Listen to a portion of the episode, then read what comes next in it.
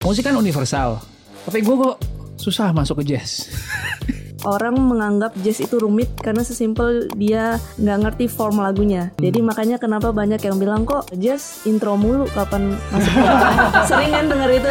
Pilihan karirnya underdog, aliran musiknya underdog, tapi bisa menjadi juara di Anugerah Musik Indonesia 2023 ini. Kenalin Alvin dan Missy dari 24 Music. Orang bilang kalau di jazz itu nggak ada note yang salah. Mungkin itu juga perwakilan dari hidup ya. Kelihatannya dari luar seperti sebuah pilihan yang nggak biasa, tapi ternyata peluangnya ada aja guys. Kita akan bahas di episode ini. Jazz itu kan ya musik-musik orang susah kan Musik yang terlahir dari kesengsaraan gitu Bukan buat orang kaya Cocok berarti buat kita sobat miskin. Ah, Mulailah dengerin jazz Nggak kebayang sebelumnya, tapi kalau lu jago dan lu konsisten, gua yakin suatu saat pintu-pintu kebaikan yang kebuka. Kayak kisah mereka nih. Pernah bikin live IG gitu Terus kepikiran tiba-tiba Apa kita buat album aja ya Kita coba fundraising nih dari sini Kita rekaman dari hasil donasi Terus idea dari si album ini kita kolaborasi sama 8 vokalis yang berbeda Gua percaya the future is bright buat 24 musik. Teman-teman, kita dengerin kisah underdog mereka dan kita support dengan dengerin musiknya di Spotify. Gue yakin dengan cara simpel ini akan bisa membantu mereka untuk semakin mendunia. Gua Ruby, host dari 3 Days of Lunch. Enjoy! Hello, you're listening to 30 Days of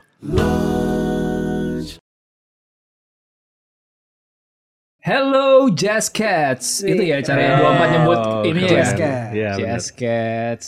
Jadi teman-teman hari ini gue senang banget karena akhirnya ada kesempatan untuk ngebahas jazz. Tenang, ini gue jamin gak berat. Ya, gue jamin bakal sesuatu yang menarik. Eh, dan buat teman-teman mungkin selama ini ngerasa kayak apa sih itu musik jazz? Apakah gue harus memahami notasi musik untuk gue bisa memahami ini? Harus gue harus kuliahnya musik untuk gue bisa ngerti apa yang dimainin? Ternyata hari ini bisa disimplify dan itulah yang sebenarnya jadi misinya 24 ya. Yes Musik kan universal. Tapi gue kok susah masuk ke jazz. Kayaknya nggak semua musik universal berarti ya. Semua orang punya hak yang sama untuk mendengarkan semua jenis musik Benar gak sih? Iya, betul betul. Tapi uh, permasalahannya adalah setiap orang uh, punya preference masing-masing terhadap suatu musik gitu. Kayak Maksudnya makan aja makanya ya. iya makanan.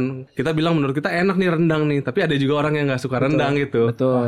Tapi masalahnya mereka udah coba belum rendangnya. Hmm, Bener gak sih? Kenapa Rasanya mirip kadang ya sama contohnya Kania ya waktu kita Iya, di iya, episode ya? Rendang juga. rendang juga. Rendang juga contohnya. Kamu nonton Kenapa, ya? kenapa rendang yang di otak gue ya tadi ya? Gak apa-apa. Eh bahkan mungkin rendang untuk beberapa orang fisiknya kan nggak menarik Iya, kan untuk orang luar hitam-hitam kan. gitu kan. Iya. Kayak musik jazz ya, yang Oh, main banyak kan orang hitam ya. Iya. Terus terus terus, iya. Iya, jadi mungkin karena belum dicoba aja sih. Mungkin karena ada stigma-stigma orang yang mikir jazz tuh susah. Jadi orang udah takut duluan gitu loh kayak apa sih? Ribet nih musiknya nih. Atau misalkan ada juga gue sering denger em, jazz nih musiknya orang kaya gitu. Iya. Oh, Eksklusif. Karena harus Eksklusif, bener gak sih? masuk ke suatu ruang- ruangan yang sofanya dari kulit, Iya, terus dengan sigar, Sigar, atau whisky, wine, wine. kan. Oh. Dengerinnya harus pakai speaker yang mahal-mahal gitu deh. Iya. Biar Dapat semua Repot soundnya gitu. gitu. Kayaknya repot banget. lagu ya. Padahal jazz itu Kalau kita balik ke sejarahnya jazz itu kan ya musik-musik orang susah kan. Maksudnya musik yang terlahir dari kesengsaraan gitu. Akarnya tuh dari, dari blues, blues, bukan sih? ya. Dari dari budak-budak itu kan. Iya. Ya maksudnya bukan buat orang kaya itu sebenarnya, bukan musik. Cocok berarti buat kita sobat miskin. Ah, mulailah dengerin jazz. Biar semakin miskin.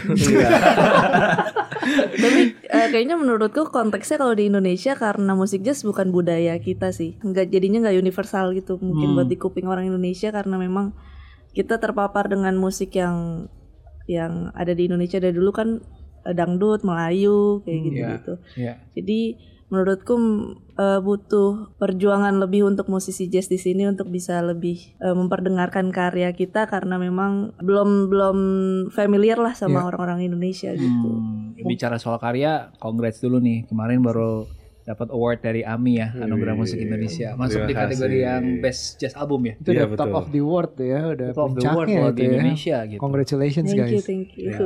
Kita kalau untuk mengenal jazz nih mungkin ada orang yang nggak sadar bahwa itu sebenarnya jazz juga. Kalau gue gue pertama kali kenal jazz malah dari Jamiroquai. Hmm. Di saat zamannya itu eh, mungkin adik-adik di sini eh, Agak beda ya Kalau zamannya. ya. kalian tahunya, kalau kalian tahu jazz itu dari mobil nggak apa-apa juga. Iya, dari berapa Bukan, radio. Honda. Jazz kan pada masanya rame gitu ya. Iya, iya. Minimal masuk dulu. Masuk. Ya. Iya. J- jadi Jamiroquai atau JK pada zamannya itu gue juga nggak nyangka bahwa itu tuh setelah dikasih tahu temen gue itu tuh jazz termasuk jazz acid jazz waktu itu tapi dia dikenalkan dengan lebih mungkin lebih pop ya terus liriknya lebih bisa kita nyanyiin kita bareng-bareng akhirnya sampai gue suka banget sampai konsernya gue kejar segala macam nah mungkin teman-teman di sini juga ada yang nggak sadar bahwa yang dia sukain selama ini partly Jazz. jazz Iya. contoh Mungkin- misalnya Michael Bublé. Michael Bublé Ya, siapa yang nggak dengerin LOVE E pada masanya Ah, gitu? iya. Atau album Nora Christmasnya Jones. oh Nora Jones juga ya ada yang lokal mungkin juga ya Iya, misalnya kalau kita dengerin kayak Vira Talisa, kita dengerin Berry Likumahua, kita Iya. dengerin Ardito gitu. Ah, Mereka iya, ada apa namanya? Elemen Iya, ada elemen jazz, elemen iya. jazznya. jazznya Sebenarnya menarik banget sih jazz itu sebenarnya musik yang eklektik. Hmm. Jadi kayak musik yang bisa bergabung dengan segala jenis genre gitu. Gitu ya? Oke. Ya nggak sih, makanya tadi bisa sebut Jamiroquai itu jazz. Sebenarnya part of jazz gitu kayak sub sub genre-nya. Iya. Karena ada namanya acid acid jazz Iya. yang dia gab- uh, jazz yang terlahir dari dance floor gitu loh.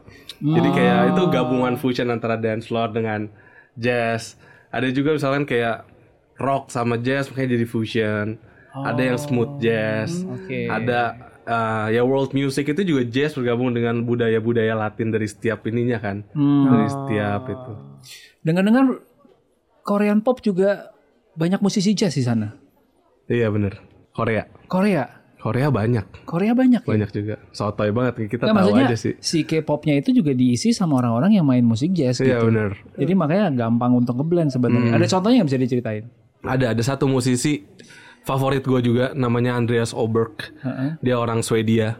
Oke. Dia tuh fun fact-nya dia adalah produser juga dari uh, artis-artis K-pop yang awal-awal kayak SNSD, 21, oke. kayak gitu-gitu. Makanya pas gue lihat, oh, Tuh teman-teman juga Emang pasti udah tahu ini karena jenius gitu. iya Korea cepet tuh masuknya bisa masuk ternyata backgroundnya juga ada jazz. Iya. Jadi jangan kaget kalau nanti 24 mainin lagu Korea. Iya. Malah kita yang jadi Jadi jadi kalian jadi K-pop. Tinggal latihan joget aja sih bisa. Waduh, susah. ya ya ya menarik menarik menarik. Gimana sih cara dua empat mungkin di awal kalian um, Ya. mencintai jazz? Kenapa jazz? Of all music apa um, ceritakan dengan cara sehingga kita juga bisa ikut jatuh cinta sama jazz gitu. What made you fall in love with jazz? Kalau aku sama Alvin pasti beda-beda kan ceritanya. Yes. Kalau aku pribadi sebenarnya awalnya itu terjerumus karena eh, waktu masuk eh, ada salah satu universitas di Tangerang waktu itu aku kuliah musik dan kebetulan di situ kurikulumnya semuanya materinya jazz. Hmm. Nah di saat itu aku belum belajar jazz, belum bahkan dengerin jazz tuh waktu itu ya taunya incognito, Ya, ya. terus Itu acid juga ya? ya acid jazz juga gitu-gitu gitu. ya. Terus musisi-musisi Indo pop kayak Ten to Five, Ekutes gitu juga. Dengerinnya kayak gitu-gitu, baru kayak gitu. Terus akhirnya ya udahlah pelajarin aja. Waktu itu belum ada kecintaan tuh. Hmm. Seiring jalannya waktu ternyata aku eh, menemukan banyak manfaatnya dari belajar jazz. Di jazz kan eh, materinya paling lengkap ya menurutku kayak dari segi harmoni, teori, terus kita belajar historinya juga.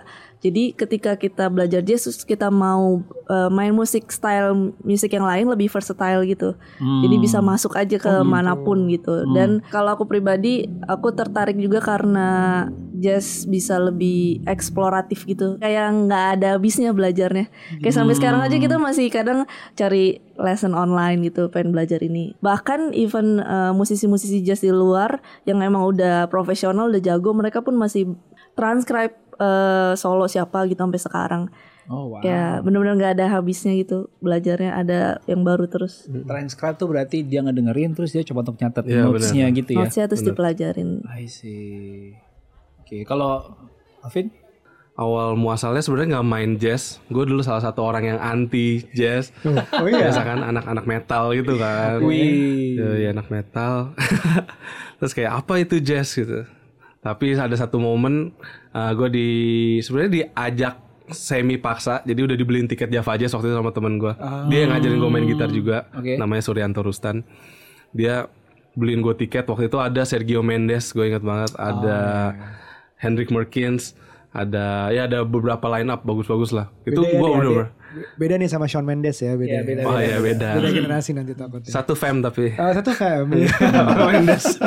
The Mendes. terus terus terus sorry.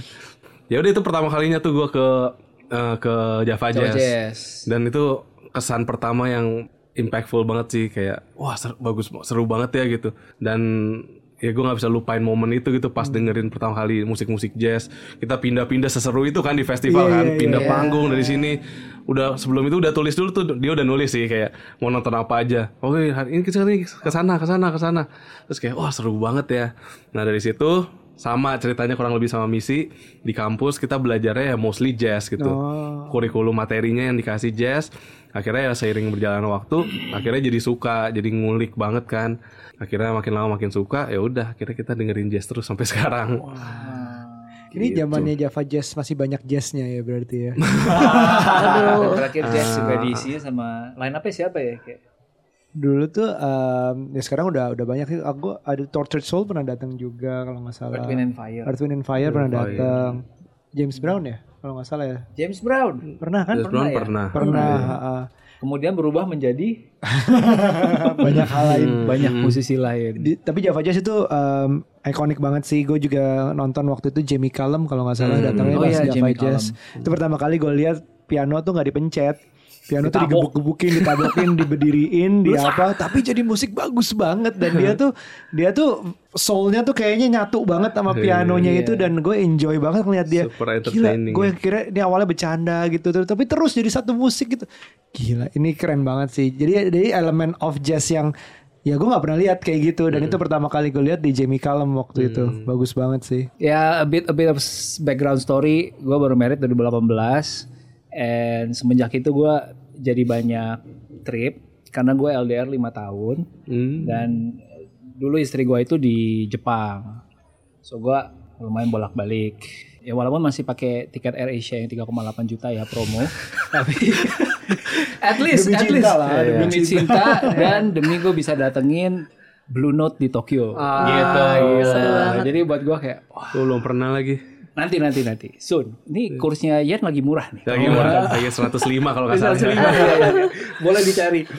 Nah, jadi buat gua itu salah satu yang bikin gua kayak oh wah menarik nih seru nih. Masuknya juga lewat Jamie Cullum. Tapi honestly bener-bener gua ngulik justru karena gue suka John Mayer.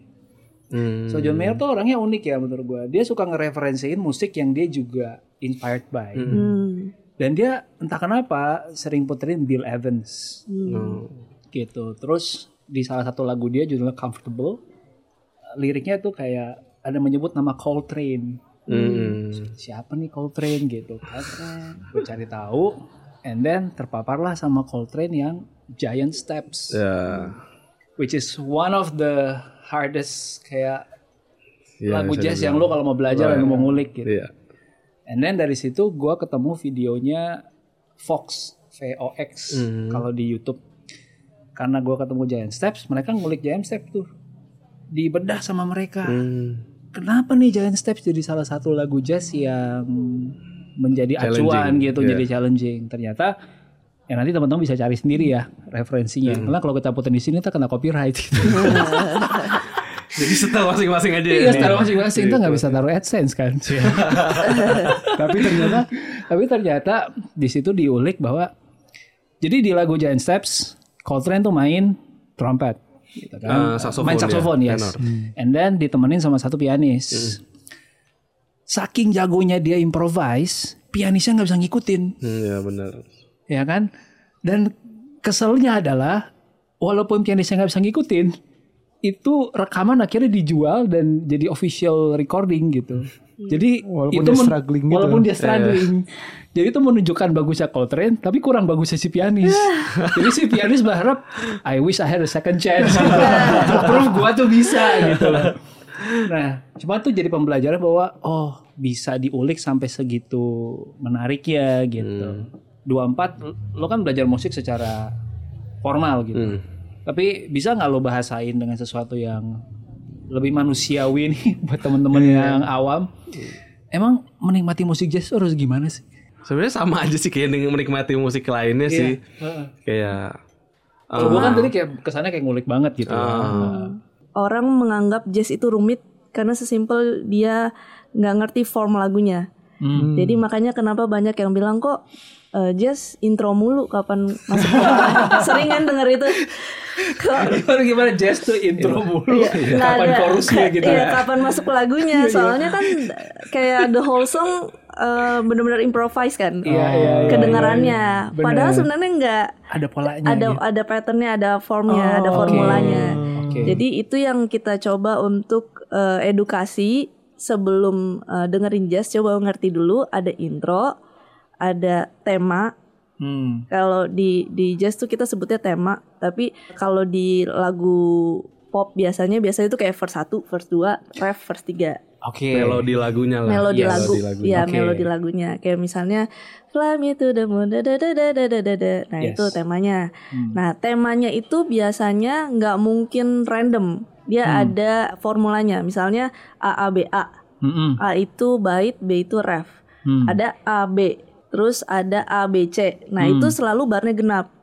8 biasanya. Jadi kalau A A B A berarti 8 8 8 8 gitu kan. Mm-mm. Berarti berapa tuh? 32, bar. 32 bar. Gitu. Hmm. Nah, jadi kalau udah masuk tema itu, setelah tema 32 bar, berarti kan habis itu solo. Nah, yang solo itu improvisasi, dia nggak akan lebih dari 32 bar atau kurang dari 32 bar. Hmm. Jadi eh, selama dia solo, dia akan muter-muter over eh, changes yang sama di lagu Fly Me to the Moon. Oke. Gitu. Oke, jadi same progression chord gitu ya Iya. dalam Iya. 32 bar tersebut, Iya. tapi solo aja solo gitu. based on progression itu. Nah, Oke. itu tergantung dia mau solo satu chorus, dua chorus, tiga chorus. tapi tuh berapa intinya ya, gitu. Jadi maksudnya bisa chorus tuh 32 berapa- bar itu kali dua, Iya. kali tiga gitu. Iya, Iya, Sampai jadi- lo bengek lah ya. Ya. ya, tapi intinya nggak akan keluar dari bar Form itu, itu. form itu. Setelah Oke. itu biasanya gantian siapa yang solo, misalnya piano. Tapi akan tetap genap kayak Hmm. gitu. Nah, setelah itu gitu. solo piano, balik lagi ke tema. Nah, tema itu yang tadi di awal Fly Me to the Moon. Me to the di Moon, awal. lagu Fly Me to the Moon. Nah mungkin untuk orang awam agak susah ngikutin kan ini udah nyampe mana ya solonya gitu. Hmm. Kita cara ngajarinnya tuh eh, biasanya selam misalnya pas Alvin solo coba deh kamu solo Fly Me Hmm. Coba to the coba Moon. coba coba. Asik. Coba Let's go. asik. Nah Ini. aku, aku kan udah hafal nih temanya.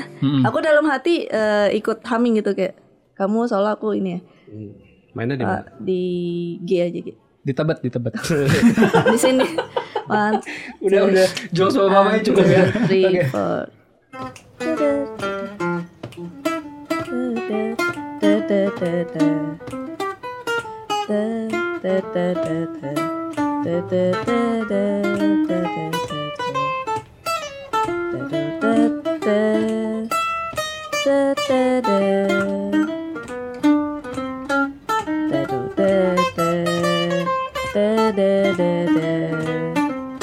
udah kita udah ada di bar yang sama.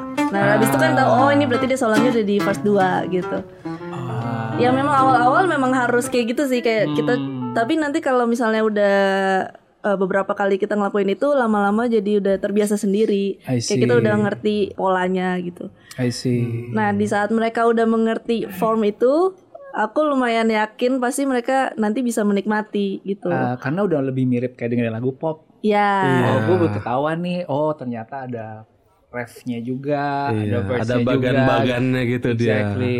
Iya. Jadi dia dia tahu kapan ini akan klim- klimaks memuncak Iya. gitu ya. Iya. Kapan dia akan slow lagi back to home gitu Iya. ya.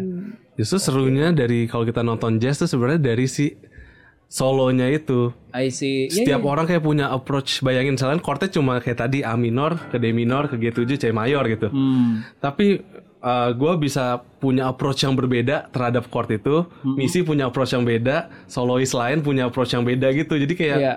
berwarna banget dan setiap orang tuh punya punya jurusnya masing-masing gitu. I see. Nah itu yang kayak, "Ay, padahal chordnya itu doang ya. Kok ini orang bisa solonya kayak gini, ini approach-nya bisa kayak gini gini. Hmm. Itu yang serunya. Kayak orang bisa kalau emang sedikit butuh mengerti sih untuk bisa kayak kalau nonton jazz suka orang teriak-teriak kan kayak wuh itu itu karena dia kayak ngerti atau sesimpel kayak mereka dapat aja energinya gitu Iya iya iya iya. gitu itu serunya di situ tuh kalau nonton jazz gitu-gitu Yo live jazz tuh nggak akan ada yang sama persis gitu itu ya. dia itu iya. yang menarik ya. ya. dia suruh main lagu itu dua kali di hari yang sama pasti beda Pasti nggak mau different. juga.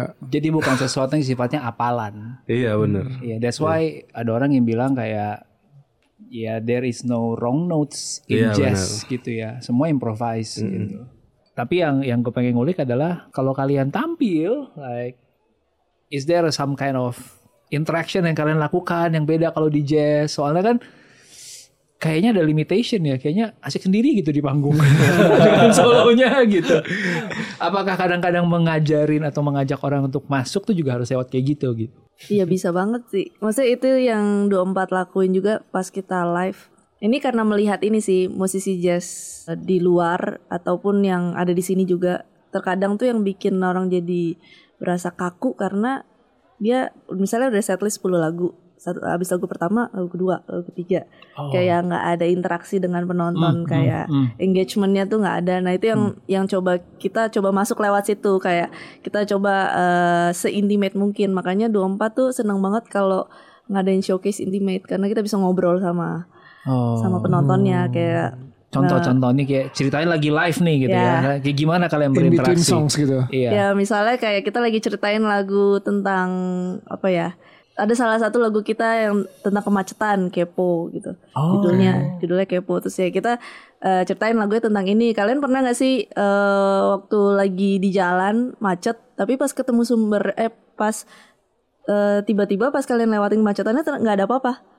Pernah Pernah, sering-sering kayak pernah, gitu gak pernah, sih? pernah. kayak Apa nih bikin "Nah, macet? ini kenapa yang bikin macet ya? gitu Iya, nggak ada apa-apa gitu. ternyata nggak ada apa-apa. Nah eh, itu yang kita bahas di lagu itu jadi Hmm. terkadang tuh eh, cuma kayak di samping mungkin ada tukang tukang gojek berantem gitu Iya, iya, iya. atau mungkin ada orang jualan bakpao Iya. terus eh, lagi beli Iya. terus kenapa tuh ramai padahal lagi ngantri beli bakpao Iya, iya. terus mobil-mobil yang di di jalan mm, jadi ngeliatin kan iya. jadi Iya, memelan ngeliatin nah akhirnya jadi macet sampai ke Merembet belakang, ke belakang, ya nah makanya judulnya kepo Cuman gara-gara kepo bikin Kepo, macet gitu iya. ya. Bikin macet. Tuh, nah maksudnya di situ kita jadi tanya jawab gitu kan sama penontonnya. Jadi ya bikin seintimate mungkin gitu. Terus sekarang baru nyanyiin gitu. Ya. So itu penting sih kita belajar juga dari Bung Ber dari Berry Likumahua. Iya. Dia menurut kita communication skillnya bagus banget Pas manggung terutama pas ya. manggung. Ya pas ini pun juga bagus gitu. biasa Ya, kalau ya kalau manggung dia gila banget. Dia bilang sih waktu itu kayak kalau dia bisa mengkomunikasikan apa yang dia mau sampaikan ke penontonnya, dia udah ke build engagementnya ke si penontonnya, Iya. itu udah lu mau main musik apa aja juga pasti mereka Makan. telan dia bilang. Makanya dia sering banget awal-awal masukin apa lagu-lagu instrumental kan kalau di seri apa di setlistnya dia Oke. instrumental main jazz gitu. Mm-mm. Terus udah tuh habis itu dia ngomong, udah orang-orang tapi tetap mantap mm, ngeliatin dia terus emang dia jago banget, bagus banget gitu loh buat engage, bikin engagement ke orang-orang itu. Emang emang itu sih yang ditunggu dari live harusnya ya. Maksudnya Iya. kalau lo cuma dengerin Cuma lagunya doang, doang, ya mostly is di Spotify atau apa gitu segala Hmm. macem ya. Menonton Buble kemarin juga dia juga very talkative ngomonginnya dia kan lagu-lagu romantis lagu apa Iya. kirain dia orangnya mellow. Ternyata cablak juga gitu. Hal-hal seperti This Christmas Boy gitu dia cuma nggak manggil dirinya Christmas Boy karena dia cuma dikenal dari Christmas dia Iya, iya, iya, iya, iya. Kalau nggak Christmas nggak ada yang Kalau puterin Christmas lagu nggak diputar tuh lagi. lagu Buble, dia bercandain kayak gitu. Juga. Jadi memang hal-hal seperti um, engagement ke penonton itu memang harus dibikin walaupun musiknya mungkin jazz dianggap lebih rumit gitu ya. Iya. Jadi harus masukin dengan caranya sendiri. Interesting. Interesting. Maybe it's a good timing juga kalau sekarang kita berikan waktu dan tempat buat Nisi dan Alvin if you guys wanna play a song or two karena ya menurut gua dari tadi kita ngobrolin jazz akan asik juga kalau orang bisa ngerasain gitu. One, two, one, two.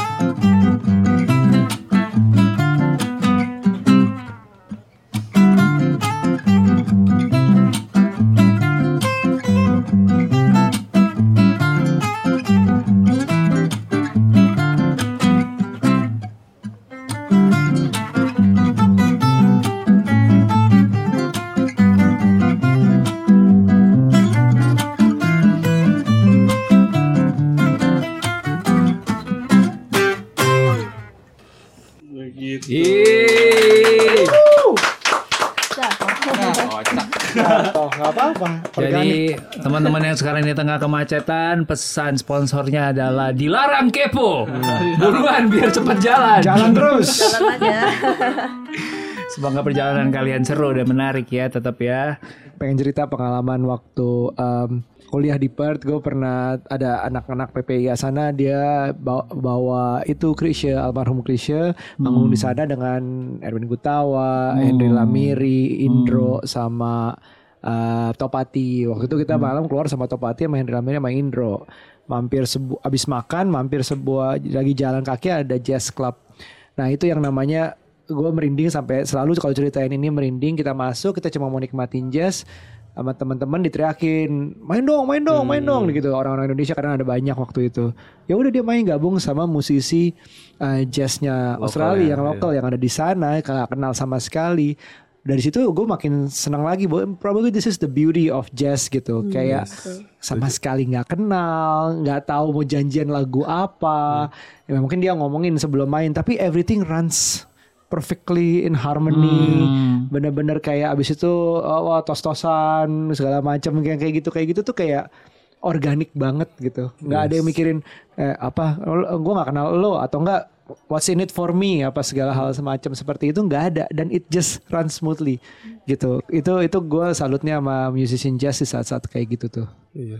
Itu nge-jam 100%. ya. Iya beneran. Itu setuju banget sih gue. Soalnya pengalaman kita juga karena apa ya musik jazz tuh language kayak universal language juga gitu. Nggak cuma bahasa kayak bahasa Indonesia, bahasa Inggris gitu. Tapi di jazz ini tuh mereka punya language-nya lagi yang dimengerti dari setiap musisi jazz gitu. Jadi ketika kita Connect misalkan aja ya. iya misalnya kayak kemarin pengalaman gua baru uh, bulan kemarin ke Jepang. Hmm. Terus ya udah kita datengin ke jam sessionnya gitu, ke ada cafe namanya Intro Spot itu. Kita bertiga sama Hansen sama Jos tapi Missy nggak bisa ikut waktu itu. Terus ya udah kita ngejam, udah dateng itu emang seru banget sih. Maksudnya kita dateng cuma bilang kita call mau lagu apa, lagu standar pastinya. Standar Iya. itu juga karena semua orang pasti tahu Pasti itu. tahu pernah main. Oke. Mau lagu apa misalkan It Could Happen to You atau Iya. misalnya lagu standar LVE atau Fly Me to the Moon gitu. Main lagu ini. Oke, ya udah kita main semua dengan attitude yang emang kita, udah disetujui oleh semua musisi jazz di dunia gitu. Iya. betul betul Jadi pas kita main ya udah kita have fun, kita justru bisa kenalan dari Iya, situ gitu ngobrol. dan kayak udah tahu patternnya ya abis ini ya udah lo solo solo lo Iya, tanpa ngomong gitu bener. Henry main Iya, gitu Kalau orang awam nonton kayak lu udah latihan ya sebelumnya gitu. persis Iya. persis kayak Padahal gitu enggak. Itu sebenarnya yang kita suka juga setiap kali kita tour kayak kemarin terakhir Yes. tour Jazz Cats ke eh, Singapura, terus waktu di Thailand juga, terus ke beberapa kota di Indonesia Di kayak Solo, Bali. Jogja. Itu sebisa mungkin eh, di luar jadwal perform kita kalau ada tempat jam session pasti kita datang. Oh. Kayak kita eh, seneng banget kayak interact terus connect sama mereka terus eh, apalagi pas dia orang yang di luar negeri gitu yang kita belum kenal sama sekali terus bisa ngejam terus bahasanya bisa sama gitu tuh Hmm. menurut kita tuh yang sa- satu hal yang Iya. kita senengin juga sih dari Kayak jazz. lo nggak ngomong lo nggak ngomong bahasanya Iya, pun tiba-tiba udah bisa kasih dikasih panggung buat solo terus bisa tahu kapan gantiannya terus Iya. bisa Iya. gue yang orang nggak ngerti jazz kayak ah bisa gitu ya gila lagi dong lagi dong Iya. Kayak banyak bisa kayak hal kecil interaction itu bisa terjadi karena kita dengerin records yang sama gitu. Terus satu frase yang bisa yang uh, identical banget gitu. Jadi pas ada drummer mainin itu tuh kayak semuanya bisa nyautin hal yang sama gitu. Ah. Karena dia mereka semua tuh pasti dengerin si records ini gitu. Ah, kayak referensi sama ya. Iya, kayak misalnya kita eh lu dengerin ini ya si Winton Kelly yang album ini ya gitu. Iya, iya. Iya, dia bilang di sini. Jadi kayak mereka bisa kita satu frekuensi gitu karena kita dengerinnya hal yang sama. Padahal baru pertama kali ketemu kayak kemarin di Jepang tuh kaget juga kan kita main bawa badudat tuh badudat tuh udah babab kayak gitu semuanya main bareng hal yang sama gitu kayak oh kok bisa lu tahu juga ya ternyata semuanya gitu. Dan lo semua mentranscribe hal yang sama iya gitu. iya. kayak kita ada di satu bahasa yang sama nih Bener, gitu. bener, bener, bener, bener. Seru banget sih. Itu jadi momen yang menarik sih. At that specific time in ini lo nyambung aja gitu ya. Iya bener. Crazy. Gue entah kenapa tuh very drawn into the bass player Hmm. yang main bass. Mm. Entah kenapa orang yang main bass tuh kayaknya all out banget gitu. Apalagi yang betot-betot. Oh. Double bass ya kalau Double bass ya. ya. Kayaknya ekspresinya sampai ke muka gitu. Nah, mu- nah itu dia. Baru gue mau nanya tuh muka-mukanya pemain jazz kalau lagi solo tuh kayaknya Ekspresif wah, banget. serius banget. Kayak- gitu ya. Oke. Otaknya nyampe ke jari terus balik lagi gitu sampai ke muka gitu. Kayak, wow, kayak you are truly in the zone gitu ya. Iya. Lu udah gak mikir lagi kan waktu lagi main gitu? Udah udah emang harus melupakan itu sih. Tetap mikir, harus mikir tapi kayak udah lebih dari itu gitu. Kalau pemain bass emang seru banget soalnya dia king of the band si pemain bass tuh. Gimana tuh King serius? of the Band? Iya, kalau nggak ada dia nggak akan ada groove-nya. Oh karena dia yang ngelit. Soalnya dia main walking bass gitu swinging kedeng deng deng deng deng kedeng. Bayangin itu nggak ada cuma drum doang itu. Kayak nggak ada fondasinya gitu kan. Makanya si pemain bass nih jadi penting banget di setiap grup. Even musiknya groove yang kayak R&B gitu kan, basis pasti udah paling Iya iya gede, iya benar. gede, gede, udah Oh, udah jadi gila sebenarnya bass tuh yang bisa dibilang Dia yang akan lebih terasa kalau nggak ada. dia dia nomor satu sih. Oh ya? ya nggak sih, Miss? Iya sih. Aku King juga That's setiap kali dengerin pasti terdistract sama bass sih. Oh ya? Kalau dengerin lagu atau apa pasti yang yang dominan kedengeran bass. Dengeran dengeran bass ya. That's why dirimu mainnya juga seringnya bass. ya? Iya betul. Emang Subjektif. awalnya sebenarnya pengen jadi basis. oh gitu. Cuma ya udahlah gitar aja. Oke, oke, oke. Back to menikmati Ya. musik jazz ya. Hmm. Kayak mungkin kalau teman-teman tadi mencoba untuk mencerna secara logis, ada yang suka juga. Ya, oh ternyata ada polanya gitu. Tapi boleh nggak sih kalau kita misalkan ngelihat jazz itu ya udah how it makes you feel dulu deh. Mm-mm. Karena waktu gua direkomendasiin Bill Evans sama John Mayer, cih lah direkomendasiin kayak di WA gua aja. Tuh, dengerin nih Bill Evans sih keren. Walaupun kelihatannya cuma dari Instagram gitu kan. Si kenal. Si Si paling gitu kenal. kan. Ya gue coba aja dengerin tuh gitu. Ya lagu pertama apa judulnya? Skating in Central Park Hmm. judul lagunya. Terus gue kayak Pasti yang covernya warna hitam terus tengahnya purple ya. yes gitu. Deng deng deng deng deng deng deng. Wah, Apakah ini kayak skating in Central Park? Enggak juga sih. Cuman it makes me feel good gitu. Gue berasa nyaman, tenang. Tuh kayaknya asik buat gue kerja karena gue jadi nggak sibuk nyanyi. Karena kalau ada liriknya Nyanyi. kepala gue nyanyi nih sambil kerja susah kan gitu.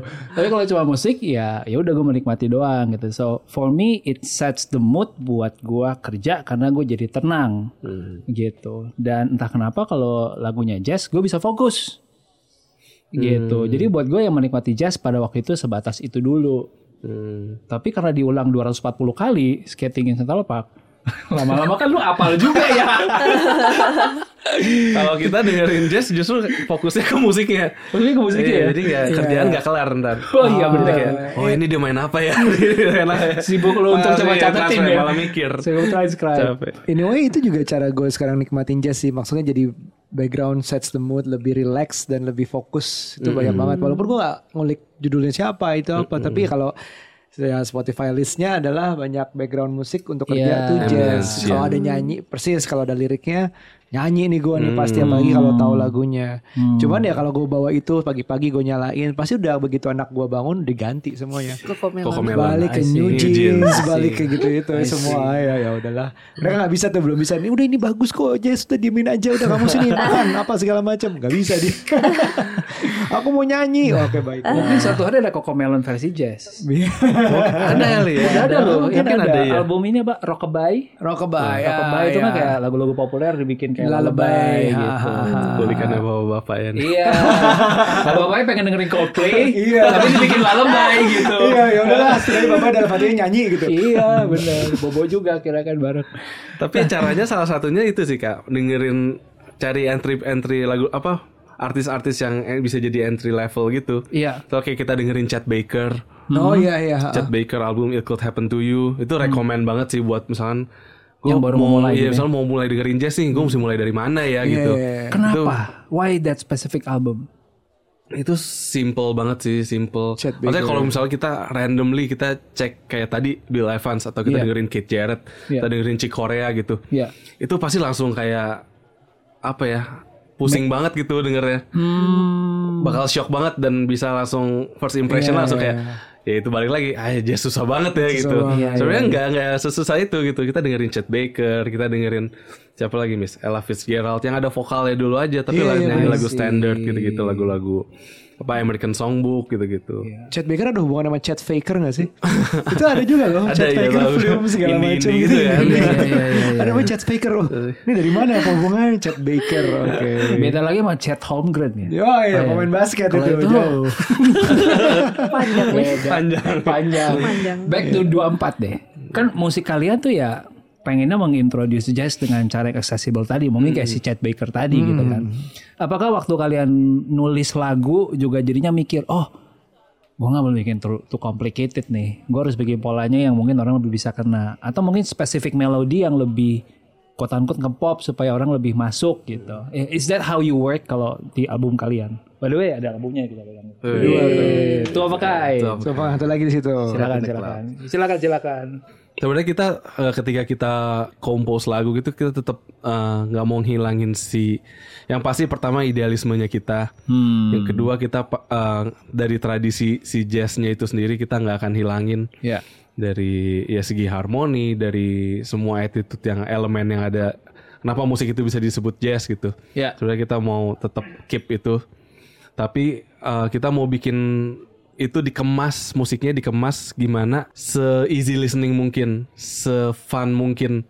Saya mungkin bisa dilihat contohnya dari cover albumnya gitu. Ya, ya. Maksudnya mungkin orang pas ngelihat cover album kita mungkin udah apa ya kayak beli dulu kayak karena tertarik sama cover albumnya gitu. Yes. Mungkin dalamnya mereka belum tahu nih kayak beli kucing dalam karung nih. Terus ternyata ternyata dari dari segi approach kita ya packagingnya itu sendiri dari musiknya juga kita pikirin gimana ini bisa lebih easy listening ke orang-orang tapi ketika misalkan orang itu ngulik lagu kita ada banyak informasi yang mereka dapat ya gitu gitu, gitu. So dari segi progression progression chordnya, dari segi pergerakan harmoninya, melodinya gitu-gitu. Oh, kok bisa kayak gini ya? Oh, bisa kayak gini ya gitu-gitu. Hmm. Tapi sebenarnya awal kita kompos lagu itu benar-benar nggak ada target mau mensosialisasikan jazz sih. Oh, Awal yang oke. yang album itu ya yang pertama. Ya. Jadi itu memang kita bikin apa yang kita jujur yang kita suka. Hmm. Dan kebetulan outputnya ternyata banyak yang bilang eh, bisa jadi entry level buat kayak teman-temanku dia banyak yang nggak dengerin jazz. Hmm. Cuma mereka bilang pas dengerin 24, oh ternyata asik juga ya. Bisa maksudnya mereka bisa dengerin gitu. Ya, Sebatas bisa dengerin gitu, nggak nggak yang rumit. Nah eh, dari situ kita langsung menyimpulkan kayak oh berarti sebenarnya yang kita buat eh, bisa ini ya jadi entry level buat orang yang mau dengerin jazz gitu. Jadi ya udah kita terusin tuh. Jadi sebenarnya jujur aja sih, jujur I untuk see. ngerjain musik. Jadi waktu ngerjain musiknya tuh ya pada awalnya nggak sampai mikir Hmm. oh gua harus ubah begini aransemen begini supaya lebih ini tapi naturally emang akhirnya kena gitu ya. Iya. Tapi di album yang The Latest sama satu lagi ada yang baru muncul di Spotify ya. Iya, some of my best friend are just cats itu. Ya itu kayaknya lebih serius. Iya. Heeh. Keren. Keren. makanya makanya itu yang menang Ami ya kayaknya. ya. itu beda lagi approach-nya. Sebenarnya yang Some of My Best Friends Are Just Cats itu album kolektif 24 sama ada drummer namanya Hansen Arif Mm-mm. sama eh, pemain double bass Joshua Alexander. Ya. Itu lagu-lagu yang di album itu semuanya cover eh, jazz standards. Jadi kalau album-album yang 24 keluarin eh, dua album ini itu semuanya lagu original. Original. Ya. Kalau yang terakhir tuh Jazz Standards. Sebenarnya album itu kita memang udah targetin di awal pengen eh, memperdengarkan, eh, memperkenalkan Jazz Standards ke eh, orang yang belum dengerin jazz, tapi eh, versi yang light gitu Hmm. dari album ini. Terasa berat sekali untuk menceritakan ya kayaknya. ya. apakah apakah langsung mengingat proses produksinya yang berat gitu? Soalnya tadi kayaknya lagi asik ngomongin jazz pas ngomongin album tuh apa yang terjadi di sini? Atau ada yang seru di balik Apa ada yang seru di pembuatannya. baliknya? Nah, sebenarnya itu seru banget sih. Itu kita mulai dari pas masa pandemi kan.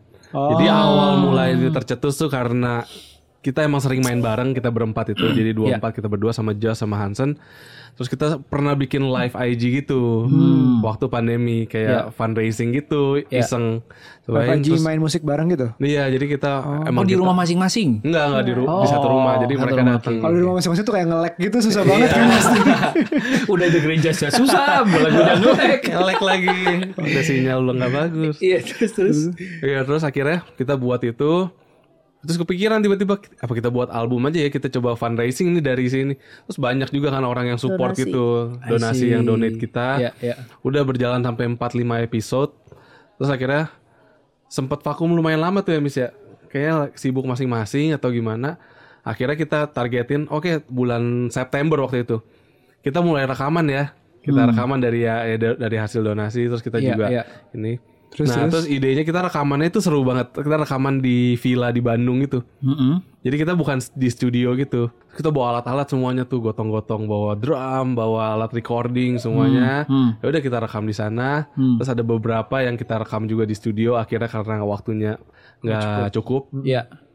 Terus juga sebenarnya ide dari si album ini kita uh, imitate dari salah satu albumnya Ray Brown. Ray Brown tuh pemain double bassist, jago banget, apa legend lah dia. Mm-mm. Ray Brown dia punya album tuh series kayak Some of my best friends are trumpet player, ada yang uh, vokalis, ada yang pianis pianis. Jadi dia pemain bass yang collab sama banyak teman-temannya dia itu. Nah, terus kita inspired dari itu. Dia juga bawain lagu-lagu standard gitu yang di arrange. Makanya di album yang terakhir itu kita kolaborasi sama delapan vokalis yang berbeda kan di setiap tracknya. Bawain lagu-lagu standard gitu. Kita harus bikin juga sama Our Best Friend or podcasters gitu atau nah boleh creators. boleh boleh Some of my best friends are heavy eater. Wah, jadi kerjanya kita kuliner doang. Kayaknya lebih enak Keren gitu tuh. deh. Bagus tuh. Iya, Jadi iya, judul iya, konten. Seru seru seru. Sebenarnya ngulik jazz tuh bisa ke mana-mana ya. Kayak entah kenapa mungkin karena YouTube gua udah ngebaca kalau kata kunci jazz itu Ruby banget. Jadi kayak rekomendasi suka aneh-aneh gitu. Iya iya iya. Ya bahkan sempat muncul di homepage gue tuh kenapa ada masanya cover jazz itu sama semua gayanya kayak gini gitu. Hmm. Ternyata diteliti itu ada serunya juga kayak cara photoshootnya lah, font yang dipakai lah.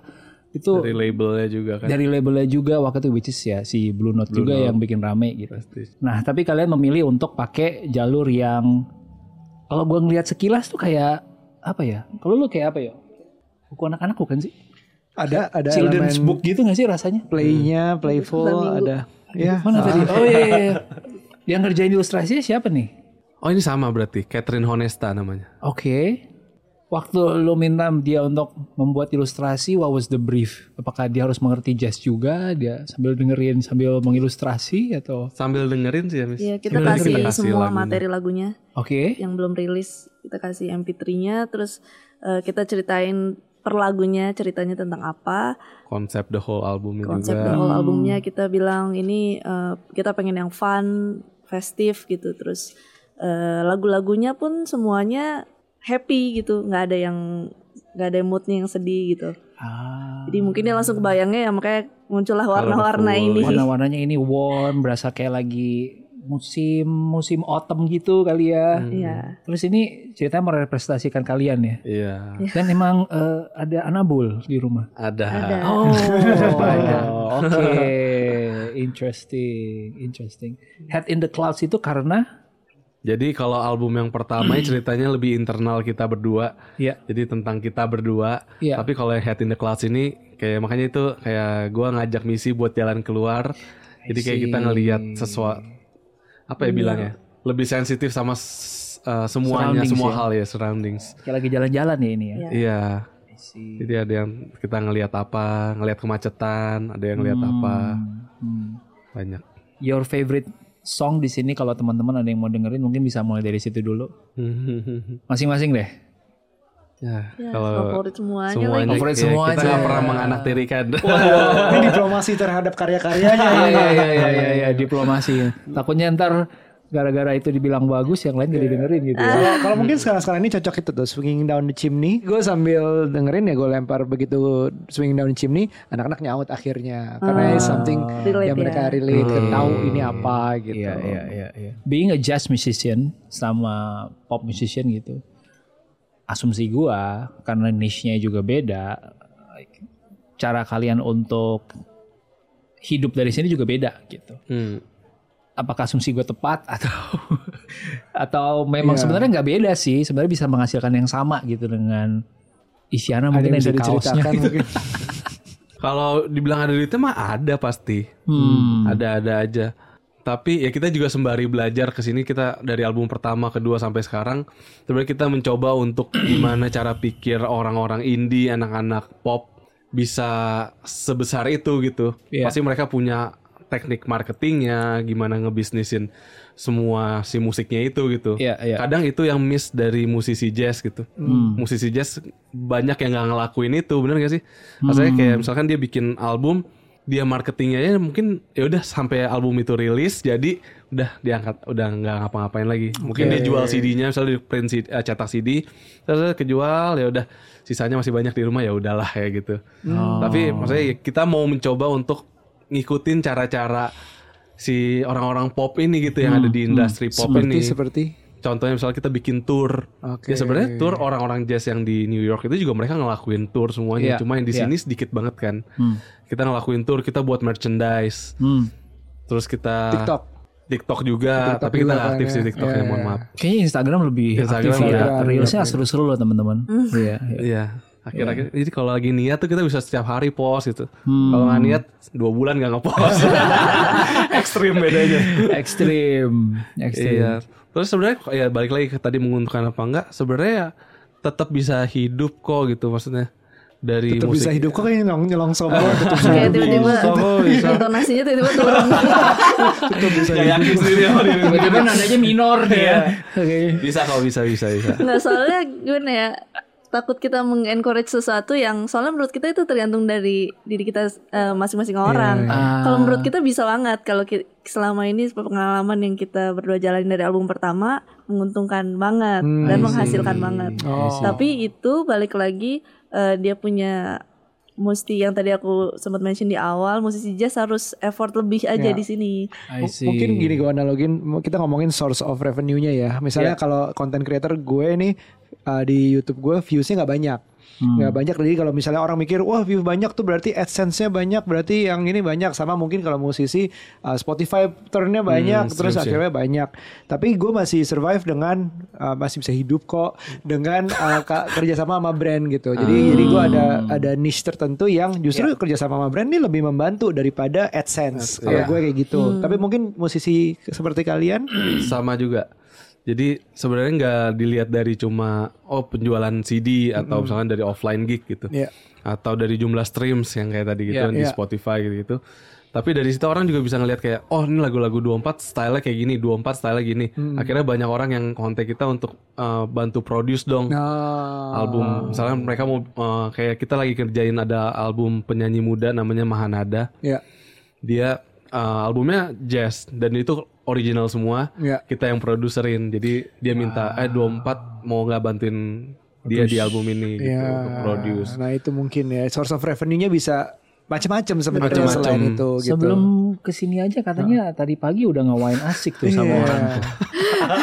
gue baru Tahu, Ntar dia nonton income itu loh ya. Iya. Waduh. Ya gue gua nggak dikasih tau juga sih orangnya siapa. Maksud kayak, ternyata Iya, kalau orang mengapresiasi musik lo and you're really really good at what you're doing, yes ada aja gitu jalurnya ya. ada Gua personally looking forward untuk ngelihat 24 lebih banyak lagi musiknya didengar sama orang, dinikmati sama orang. Dan akhirnya juga mungkin tetap bisa produktif. Iya. Karena buat eh, teman-teman karya itu nomor satu ya. yes betul Ya. Em, dan mungkin menemukan cara-cara lain juga untuk bisa monetize. Karena menurut gua di zaman sekarang kreatif itu perlu. Ya. Speaking uh, about that, kita udah di episode 140 sekian. Kita satu season tuh 30 episode. Jadi di 150 selesai nih. Hmm, Nah, kita akan break sekitar 1-2 bulan. Lalu kita akan siapin season 6. Ya kalau gokil tertarik untuk bikin opening baru kita kita mau sih kasih kasih kasih kasih Mau banget. gimana ya kalau mungkin ya? teman-teman em, bisa apa berikutnya akan biasa atau biasa main di mana atau ada tour berikutnya ke mana itu bisa diceritakan kali ya untuk Yes, gimana lebih mengenal dengerin. 24 Ya, gitu. ya, ya. tanggal 24 sama 25 Desember Tapi mau nontonnya effort juga ya kalau mau nonton. iya tapi kalau mau nonton kalian mesti ke Singapura main di Christmas di Singapura. Esplanade ya Main di Esplanade. Wow. Oh, nice, nice, nice. tanggal 24 25 Heeh. Terus Sebenarnya belum ada lagi sih ya Miss ya. Tapi pendengar Kalau kita yang kalian di jadi house band di mana gitu rutin ada?